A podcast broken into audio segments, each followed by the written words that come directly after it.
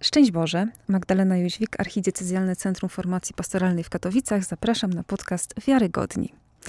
Dziś już wróciliśmy do studia Radia M po naszym podcaście ostatnim na łączach z Marią Miduch. Dzisiaj wracamy znowu do tematów biblijnych, e, do naszej lektury ksiąg mm, mądrościowych Starego Testamentu, więc jak tematy biblijne i jak księgi mądrościowe, to ze mną jest tutaj dzisiaj w studiu Radia M oczywiście siostra Joanna Nowińska. Witam cię. Witaj, Madziu. I jesteśmy y, w przedostatniej księdze mądrościowej, które omawiamy. Mm, zaproponowaliśmy Państwu tutaj w ciągu roku, żebyśmy czytali księgi mądrościowe, ze względu na to, że rzadko pojawiają się w liturgii i może czasami nie wiemy, co z nimi zrobić, bo są trochę inne od pozostałych.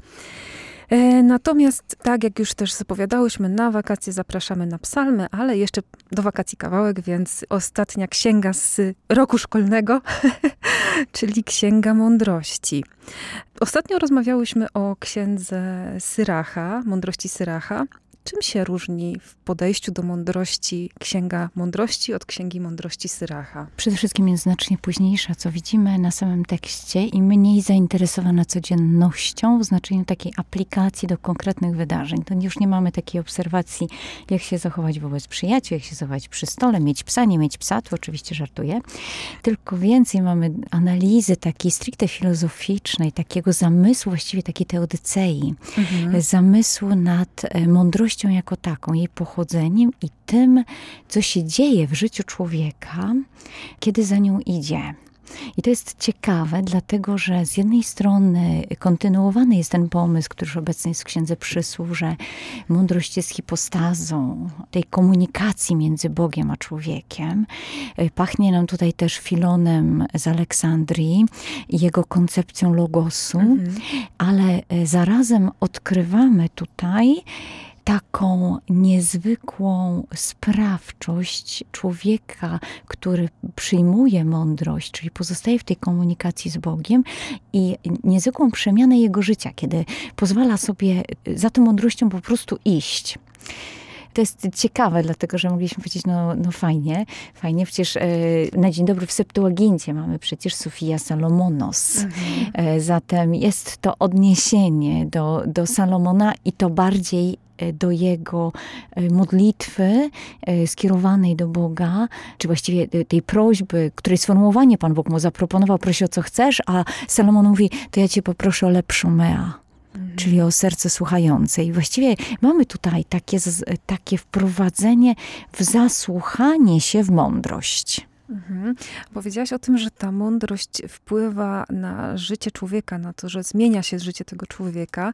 No ale jak czytamy tę księgę, no to hmm, ten, który idzie za tą mądrością, za tą sprawiedliwością, to żeby tak miał e, wszystko łatwo mu przychodziło, to tego nie można powiedzieć, nie? Że wręcz po prostu życie tego człowieka, który chce słuchać Boga, który chce mieć to serce słuchające, no spotyka się ze sprzeciwem. I mamy tutaj też przecież powiedziane, że no nie jest witany z otwartymi ramionami. Ale jednocześnie ma zupełnie inną jakość funkcjonowania. Po pierwsze, jakby całe jego, doświadcza tego, e, że cała jego rzeczywistość jest w ręku Boga, mhm. E, e, że wszystko takie sugestie płynące z zewnątrz e, o ulotności życia, o jego zniszczeniu czy dążeniu do klęski, one jakby tutaj e, nie znajdą pola zaczepienia, bo Bóg buduje przez tą komunikację z człowiekiem przekonania o jego własnej sile, o Bożej sile, o Bożej opiece. Co więcej, e, ma dostęp do zrozumienia prawdy,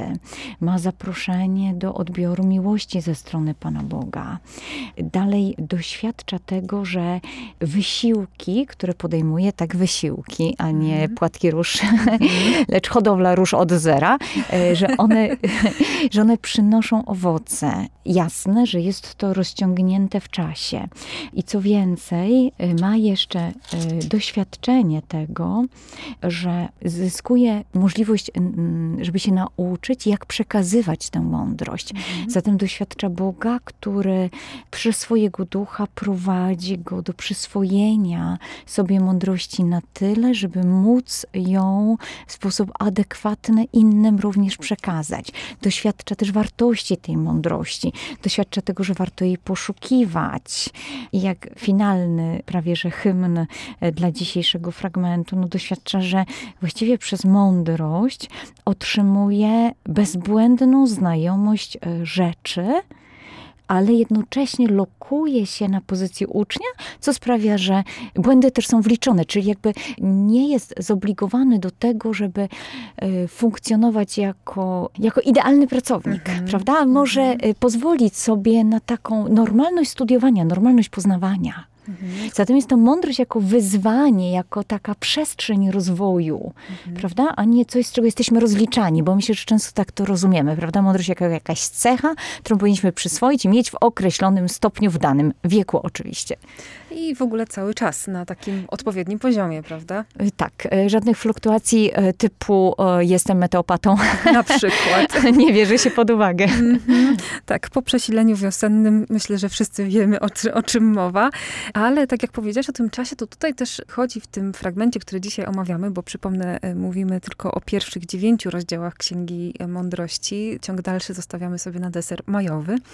Że w tych pierwszych rozdziałach widzimy, że ten czas rzeczywiście wykracza poza e, ziemskie życie.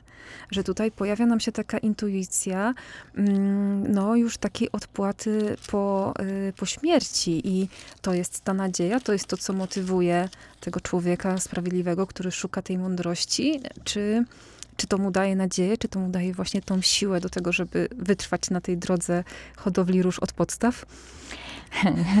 Pierwsza sprawa to jest inne postrzeganie śmierci. Mhm. Dlatego, że ona nawet e, jeśli zastała go przedwcześnie, mhm. to gwarantuje. Co to znaczy przedwcześnie? Czyli nie w wieku, który społeczność przyznaje jako właściwy dla śmierci, czy nie oczy, według oczekiwań, bo to mhm. chyba o to chodzi. I nawet jeżeli by nie według oczekiwań własnych go zastała, bo to chyba wtedy oceniamy, czy jest przedwcześnie, czy nie, to on znajdzie odpoczynek i tam jest anapało, mhm. które oznacza, że jest to odpoczynek ukierunkowany ku Bogu. Mhm. Zatem pierwsza rzecz, która nam się tutaj pojawia, to fakt, że przejście przez śmierć jest związane z ukierunkowaniem ku Bogu, czy nic się nie zmienia. Właściwie całe przebywanie w mądrości jest kontynuowane po kresie jego e, życia tutaj. Dalej pojawia się nam w Księdze Mądrości motyw e, nagrody. Na przykład w czwartym rozdziale, w drugim wersecie mamy wzmiankę o tym, że e, zwyciężywszy w zawodach o nieskazitelną nagrodę. Potem także w drugim wersecie E, mamy wzmiankę o tym, że ktoś się spodziewa nagrody za prawość i odpłatę dla dusz czystych. I tutaj jesteśmy na takim specyficznym etapie dyskusji e, wewnątrz literatury sapiencjalnej, dyskusji, która wiąże się, czy która jest implikowana przez ocenę życia, jaką, jaką formułuje człowiek. Jeżeli to życie było wartościowe, a jednak no, z, z punktu takiego widzenia zewnętrznego ulega destrukcji, no to teraz co? To cała, cała wartość tego życia, wszystkie dobre dokonania, one idą po prostu w, perze, w perzynę, rozpadają się w proch, jak to jest. I bardzo już dawno, znacznie wcześniej, refleksja sapiencjalna podsuwała myśl, że musi być jakaś nagroda. I my często mhm. rozumiemy to w naszej mentalności w ten sposób, że ktoś po prostu pracuje dla nagrody, tak jak pracujemy dla pensji. Mhm. I od pierwszego do pierwszego, żeby po prostu te wszystkie długi czynsze zapłacić. Ale tutaj chodzi o miston. Miston to jest takie e, właściwe wynagrodzenie. Mhm. Czyli to jest coś, co jest zwykłą konsekwencją tego, co się robi. To jest po prostu efekt. E, to nie mamy czegoś, co nagle nam spadnie z góry i ktoś będzie decydował o tym, czy to jest mniejsze, czy większe. To wy, wy, po prostu wynika na zasadzie przyczynowo-skutkowej, czyli na zasadzie e, napiję się szklankę wody, czuję się odświeżona. Magda, lubię tą, tą twoją mimikę, zatem skomentuj to proszę cię.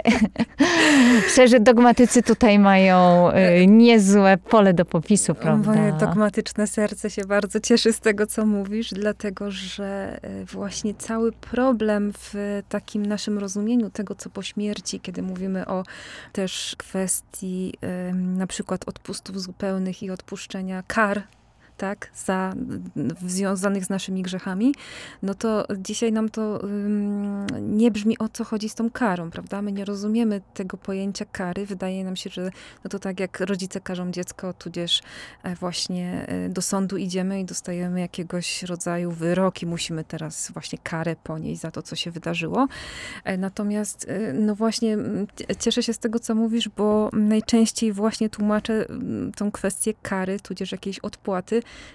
właśnie jako konsekwencję, właśnie jako to, że to jest efekt naszego y, działania i po prostu jestem przeszczęśliwa, że to jest w Biblii.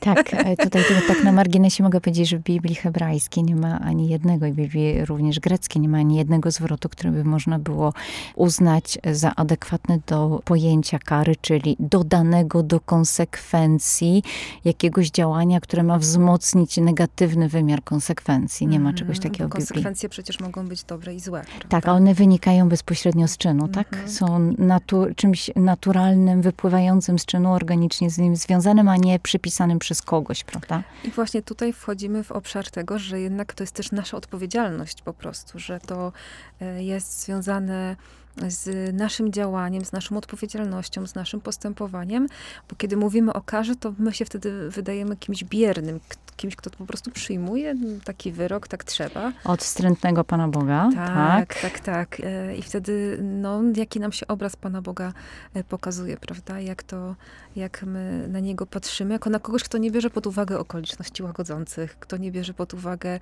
naszych predyspozycji, no w ogóle nas i tego, co my chcemy, prawda? A kiedy pokażemy to sobie jako konsekwencję, no to wtedy wiemy, kto tutaj za tym stoi.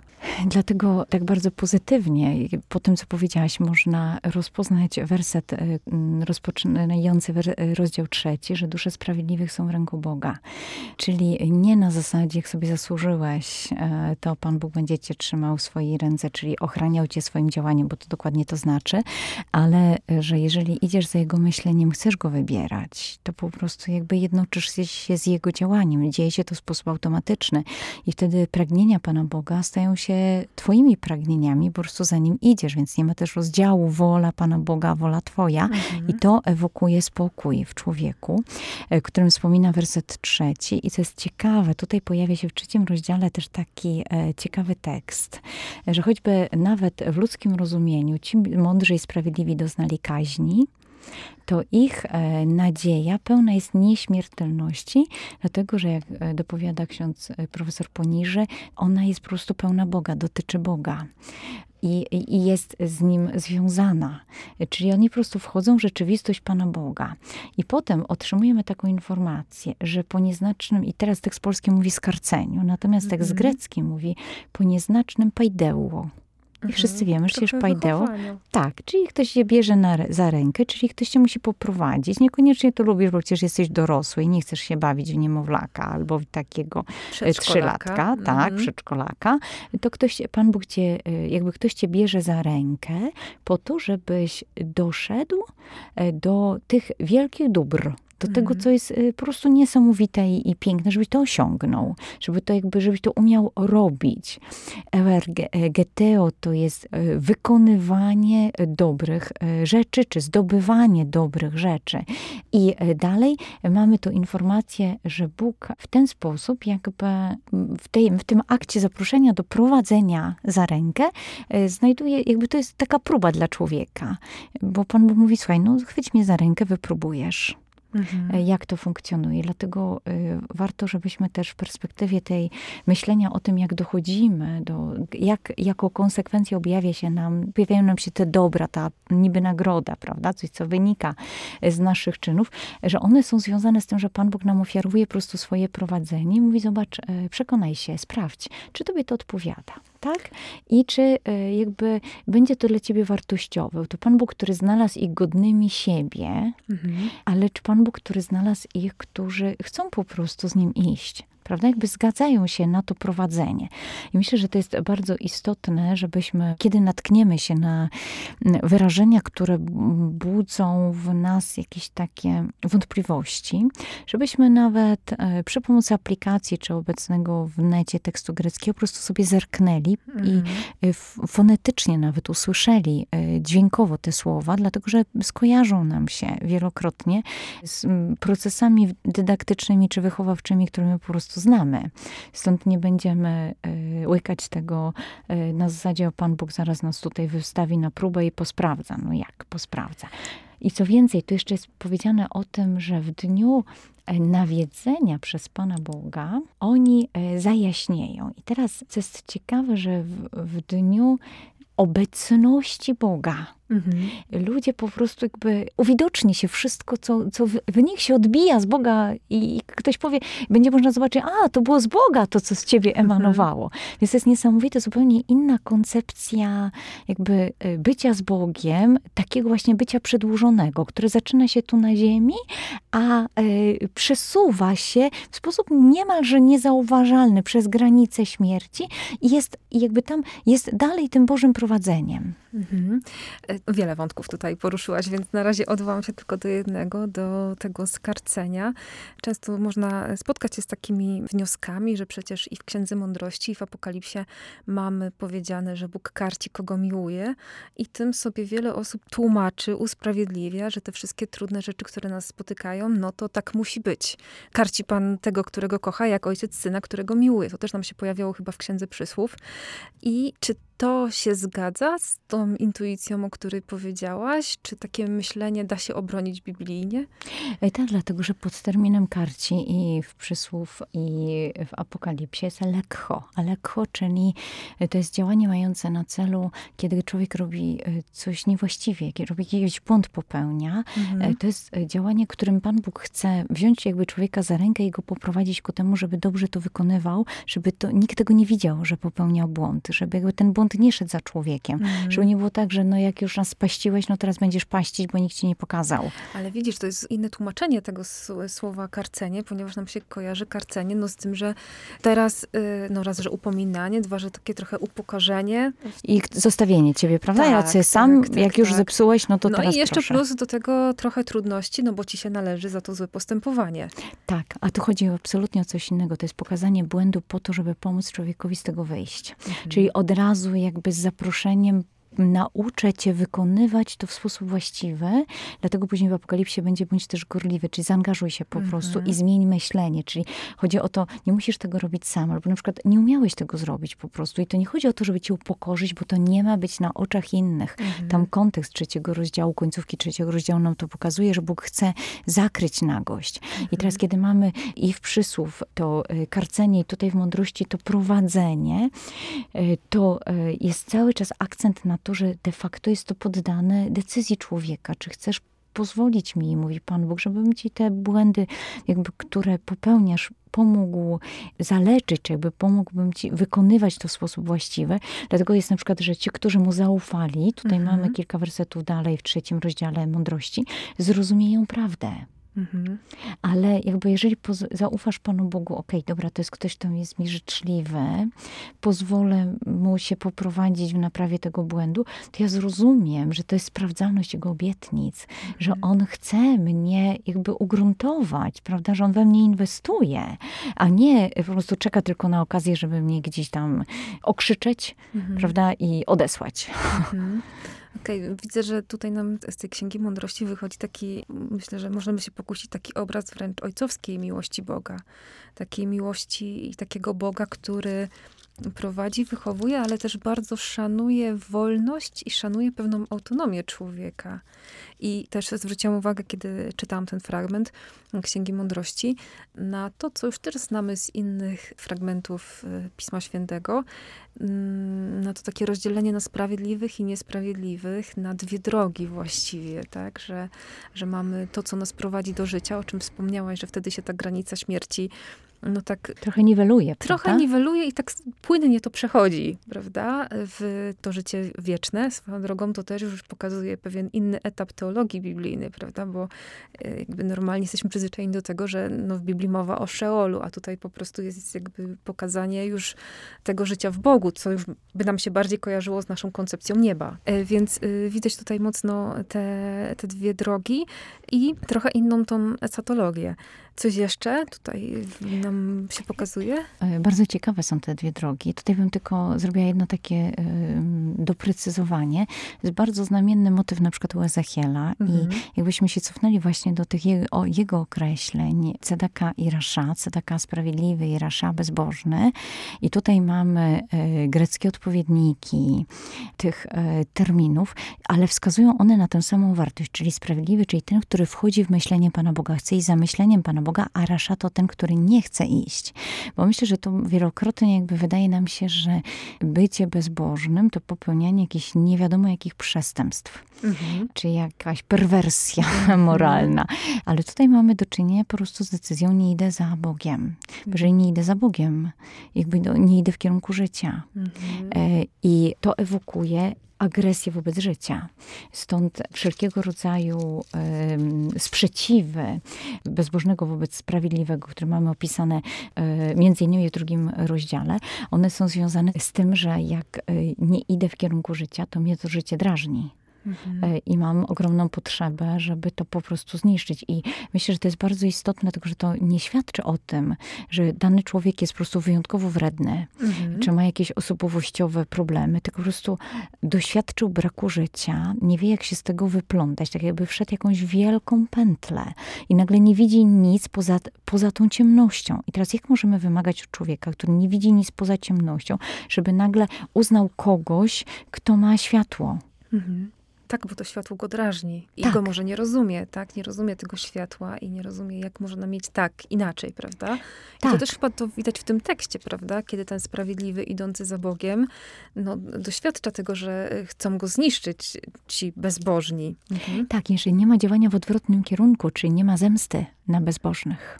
Mhm. E, dlatego, że oni pobłądzili. To jest ciekawe określenie. Pobłądzili, własna złość ich zaślepiła, nie pojęli tajemnic bożych. Na finiszu mamy w drugim rozdziale, nie spodziewali się nagrody za prawość.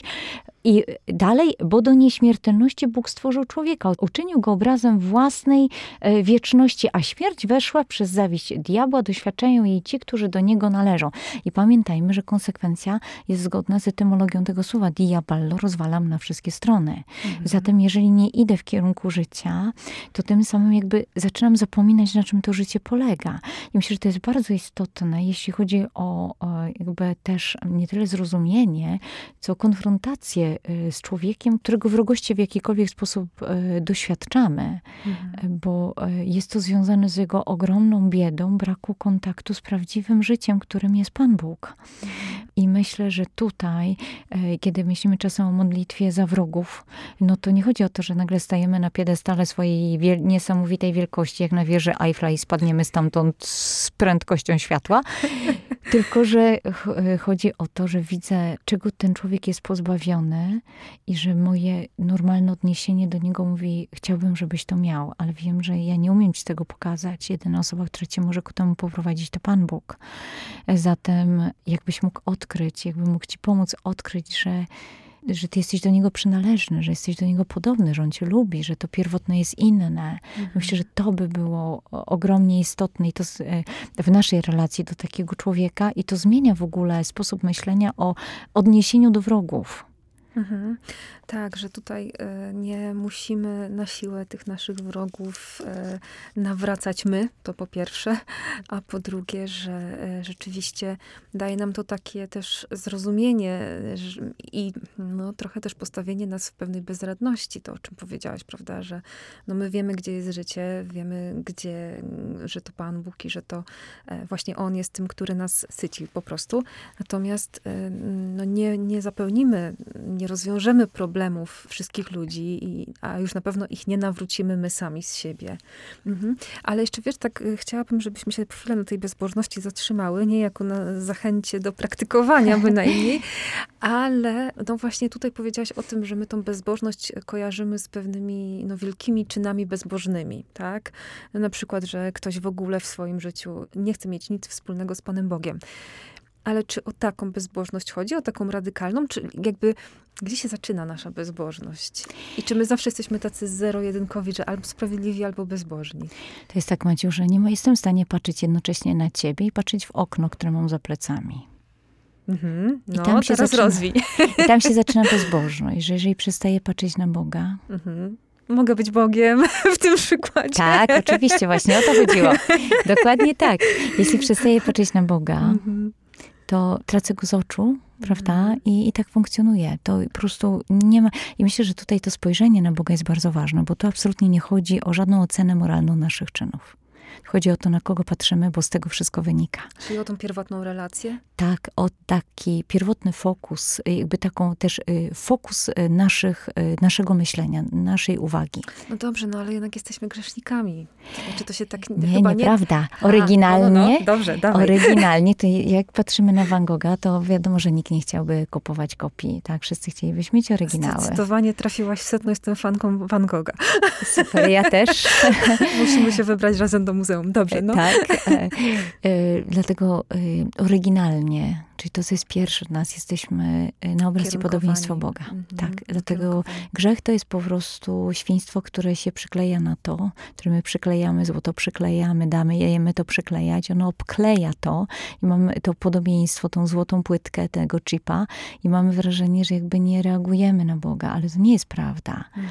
Jakby dla nas jest naturalne zwrócenie ku Bogu, bo kiedy pojawia się Pan Bóg w optyce, jakby w rzeczywistości, to my jakby reagujemy na niego. Nie, I tu jest kwestia jeszcze nomenklatury nie zawsze nazywamy Boga Bogiem, dlatego że w naszej kulturze nie ufamy mhm. na przykład intuicji, które On nam daje. Nie ufamy temu, że zachwyt, który rodzi się w nas, kiedy obserwujemy chociażby no, e, rozkwit przyrody, że to jest zachwyt nad Bożym dziełem. Mhm. Po prostu nie idziemy dalej. Mamy natchnienie, ale nie rozpoznajemy osoby. To tak jakby przeleciał nam zapach i byśmy się zastanawiali, czy to z perfum, czy z kwiatów, czy ktoś przeszedł i tak ładnie mhm, pachniał. Mhm, mhm. Więc to jest e, tego typu. Zatem stajemy się bezbożny bez Boga. Jak bo, nie roz, bo nie tak. rozpoznaje tak. człowiek Boga. Tak, spuszczam z niego wzrok, jestem bez. To nie chodzi o to, że on nas opuszcza, ale on ma jakby Ale go nie rozpoznajemy. Tak, on ma możliwość w nas na tyle działać, na ile my go wpuszczamy. No dobrze, no to jaka rada? Tak, i to jest, rada jest genialna, dlatego że od szóstego rozdziału właściwie mamy same rady. Mianowicie. No to zamieniam się w słowo. E, tak, trzynasty werset. Mądrość uprzedza tych, którzy jej pragną. Mhm. Czyli Pan Bóg wcześniej, zanim żeśmy pomyśleli, e, żeby złapać Jego komunikację e, do nas, to On już to wcześniej nam dał. Czyli ta mhm. komunikacja, nie musimy prosić, że Pan Bóg do nas mówił, bo On już powiedział. Po prostu trzeba tylko złapać to, co powiedział. Kto do niej w stanie o świecie się nie natrudzi, Mhm. Zatem trochę wysiłku, ale nie będziemy odczuwali tego później jako y, uciemiężenia, bo znajdziemy ją siedzącą w swoich drzwi. Mhm, czyli da. w sumie niedaleko trzeba iść. Tak, otworzyć trzeba tylko oczy tak naprawdę. Mhm. Kolejna rzecz to jest kwestia rozmyślania. Mhm. E, czyli kwestia, i dalej kwestia zaangażowania, kto e, z jej powodu nie śpi, wnet się trosk pozbędzie. Czyli to jest postawienie na jedną kartę. Tak czyli takie rozmyślenie, które do czegoś jednak prowadzi, a nie myślę sobie, o, ale tak naprawdę nic z tego nie wynika. Oczywiście. To czyli e, jakby aktywność poznawcza. Mhm. Kolejna rzecz to moje karteczki w moim Piśmie Świętym. Kolejna Potwierdzam. Rzecz, tak. Kolejna rzecz to pragnienie nauki. Mhm.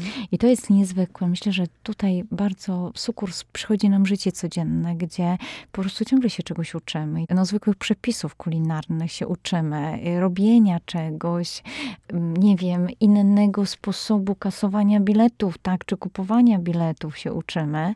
I też zaproszenie, żebyśmy uczyli się tej Bożej komunikacji. I tutaj na chwilę się zatrzymajmy, bo myślę, że czasami tak narzekamy na te nasze czasy, że są takie trudne i wymagające wobec nas, ale w pewnym sensie mamy to przejście od tego, że y, uczą się tylko dzieci, dorośli już nie muszą, do tego, że teraz wszyscy właściwie przez całe życie się uczymy i mamy tego jasną świadomość, że nie tylko wtedy, kiedy chcemy robić karierę naukową, czy jakiś, mamy, mamy jakąś ponadprzeciętny pociąg do wiedzy, tylko po prostu trochę nas życie zmusza, żebyśmy ciągle aktualizowali dane, że tak powiem. I dzięki temu się rozwijamy. Dokładnie. To jest tak naprawdę błogosławiona stymulacja, którą nam Pan Bóg daje, bo ona ożywia potencjał, jaki otrzymaliśmy od Niego na dzień dobry, na wyposażeniu, prawda? Mhm. Kolejna rzecz to jest kwestia starania Mhm. o naukę i e, dalej przestrzegania praw tej nauki, komunikacji, to jest miłość, bo miłość Mhm. szanuje. Kiedy widzimy wartość, to szanujemy. I kolejna rzecz, e, właśnie jakby smakowanie, bo smakowanie sprawia, że doświadczamy, że to jest nieśmiertelne, czyli że to jest ponadczasowe, że to działa zawsze i że to naprawdę przybliża nas do Boga. I jeszcze chyba najistotniejsza rzecz, y, zawarta w siódmym wersecie siódmego rozdziału. Dlatego się modliłem i dano mi zrozumienie. Przyzywałem i przyszedł mi z pomocą duch mądrości. Mhm.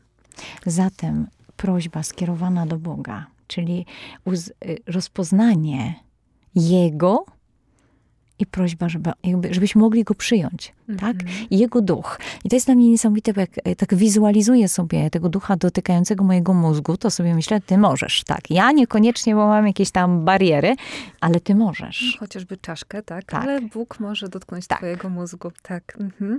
A wiesz co, tak kiedy rozmawiamy o tych księgach mądrościowych, kiedy rozmawiamy o tej księdze, to y, nie jestem w stanie nie zauważyć tego, że naprawdę Bóg chce od nas myślenia. Oczywiście. I że to naprawdę nie ma, y, nie jest zaprzeczeniem ufności w jego prowadzenie, w jego działanie, w rozpoznawanie, że właśnie to, co często próbujemy nazywać duchowością oderwaną od racjonalności, no nie da się tego biblijnie uzasadnić. Tak, i jak spojrzymy sobie na siódmy rozdział Księgi Mądrości, wersetu 22 w dół, to zobaczymy, co daje nam używanie rozumu. E, ilość Mów, 20, 21 przymiotników, Mhm. którymi zostaje opisana mądrość, z których e, zaledwie sześć chyba Zaraz ci poli- przeczytam ci je. Święty, subtelny, bystry, niezawodny, przenikający. To są oryginalne biblijne, czyli Mhm. pojawiające się e, w tekście biblijnym, mające jakieś korzenie biblijne. Mnóstwo z tych określeń to są hapax legomena, czyli terminy tylko w tym tekście się pojawiające, co nam pokazuje, że tak naprawdę używanie rozumu prowadzi do tego, że wychodzimy poza dane rzeczywistości, poznajemy, jesteśmy je inaczej, w stanie inaczej sf- sformułować, jesteśmy w stanie iść głębiej w nie. E, I nagle znawcy, e, ym, bibliści pracujący całe życie na Księdze Mądrości mówią, dobrze, to jest piękny asyndeton i te określenia tworzą zeugmę. I nagle, czyli A teraz powiedz po polsku.